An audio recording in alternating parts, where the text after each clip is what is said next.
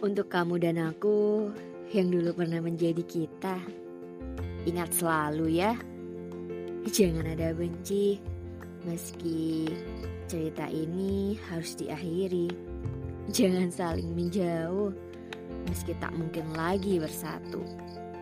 Aku hanya ingin kita menjalani kehidupan masing-masing tanpa harus jadi asing. thank you